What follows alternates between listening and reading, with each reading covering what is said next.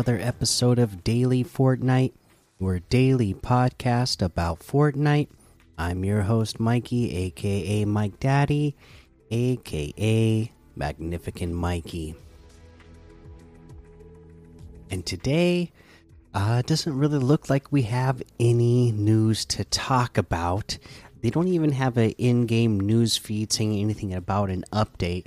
I was expecting that we were going to be getting some sort of update tomorrow on Tuesday, March 29th, because that's when I was expecting uh, the builds were going to get added back in, but there's no news uh, posted anywhere about it, so we'll just have to uh, keep an eye on things and maybe there'll be a hot fix that is uh, deployed uh, in the morning when uh, we wake up. I'm not sure. We'll we'll just have to wait and see. But we are expecting there to be an update sometime very soon this week. So uh, be ready. I, like I said, I can't wait to figure out what they decide to do. Are they going to keep a permanent no build mode? Um, and is that going to be like a separate playlist that you choose from? Like if you if like say uh, right now I'm selected on solo, you know, like and you go in here would you pick solo and then would you have like another button to press whether you were going into uh, the normal solo or are you going into like no build solo? Would they give you options like that or uh, does it just become like the new default mode? I, I can't wait to figure out uh, and see where they decide to take this thing. Uh, but since there's no news, let's go ahead and take a look at some LTMs that we can play. Stuff like the walls, the pit free for all, prop hunt modern mall, blackouts 1v1 two players, sniper cube park 2, bed wars choppa racer squads, speed fast, realistic 50 player scrim, the yacht gun game Modern Mansion gun game, Wonders of the World Death Run 500 levels. Mm, let's see here. Horde Night Zombie City, PCL Zone Wars 1v1 ranked, Red versus Blue Lava, mm, Clean Triangle 1v1 no delay, Purple, Shipment Gun Game. Warfield, 2v2 build battle, orange versus red, and a whole lot more to be discovered in the Discover tab. Again, still no new quests uh, to go over, so we can head on over to that item shop and see what it is that we have in the item shop today. Uh, let's see here. I know there was a new pack that was put out today. It's not showing up for me, and I saw. Let me double check. Yeah, it's not showing up for me. I saw on the Fortnite status update social media that there's a new pack out that is not, and for some reason it's not showing up in everybody's item shop, and they're trying to get a fix for it. Let me just pull it up and at least tell you what it's called. It's the mainframe break pack. Uh, so it's a pack because it's got it's got a really cool looking outfit, a back bling, uh, harvesting tool, a wrap plus 600 V bucks. Uh, yeah, these are always one of my favorite. You know, the every season we get out, we get a new pack that comes out. Uh, that's kind of a. I'm trying to remember how much these packs usually cost. Like what? I want to say like five ninety nine, six ninety nine, something like that uh, and uh, you know you get a cool looking outfit some other items and 600 bucks. It's always it's always a really good deal. Uh, it's not showing up in my item shop right now so hopefully it'll be here tomorrow and we'll look at it uh, in closer uh, detail.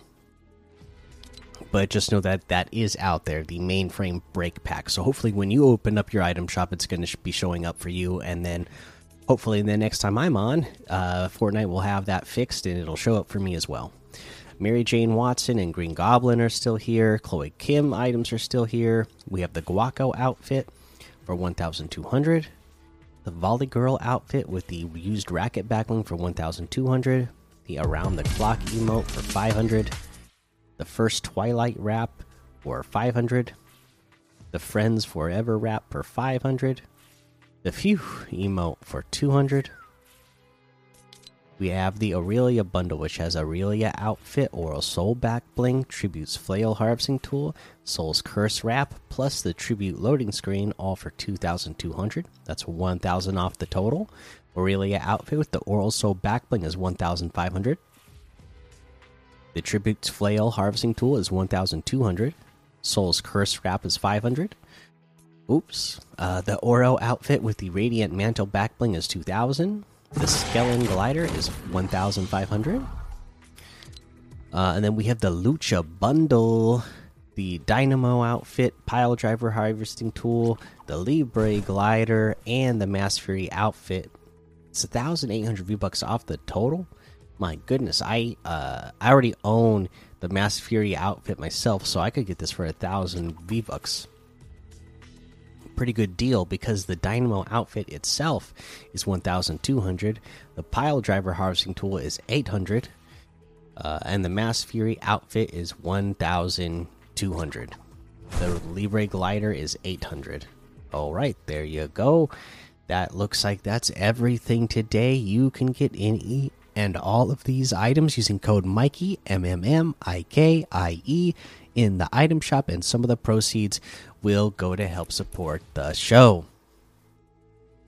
Okay, I, I for the tip of the day, uh, I figured I would mention uh, a cool little trick that is only going to be useful in certain situations uh, when you're in certain areas. And right now, uh, there's the web bouncers, okay, that are still around the map. So the spider webs that you could bounce on, they are still there. Now, before you, you know, you just jump on them and they send you uh, flying a certain amount of distance.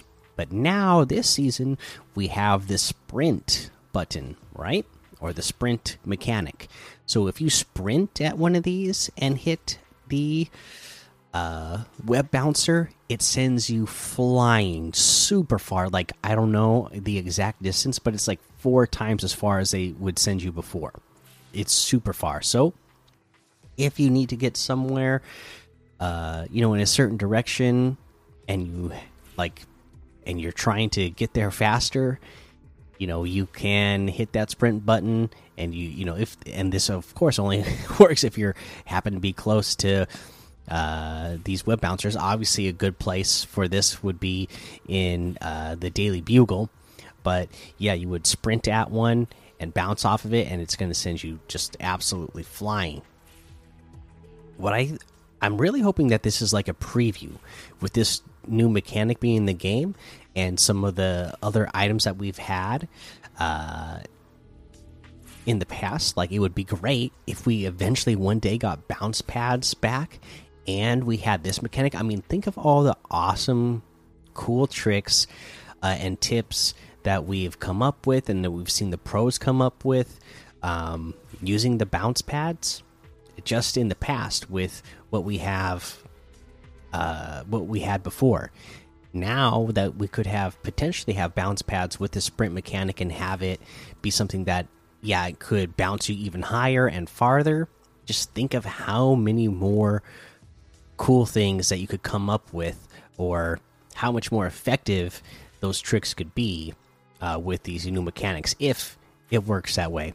I would love it for that to be a thing that happens. Like if bounce pads come back and the sprinting uh, mechanic doesn't send you extra far when you hit these, like it does with the spider web bounce pads right now, I'm going to be a little disappointed just because I think there's, you know, if it's something like right now, like I said, the the the spider webs, you know, they're only in certain places, so you can only use them uh, in certain locations at certain times. Whereas if you had bounce pads that you could place and use strategically at any time uh, and anywhere, that would be really cool to see like the best of the best players uh, come up with different ways to utilize that. Okay, but yeah, so there's that little tip. If you didn't know about that, uh, now you know. And that's going to be the episode for today. So make sure you go join the Daily Fortnite Discord and hang out with us. Follow me over on Twitch, Twitter, and YouTube. Head over to Apple Podcasts, leave a five star rating and a written review for a shout out on the show. Make sure you subscribe so you don't miss an episode. And until next time, have fun, be safe, and don't get lost in the storm.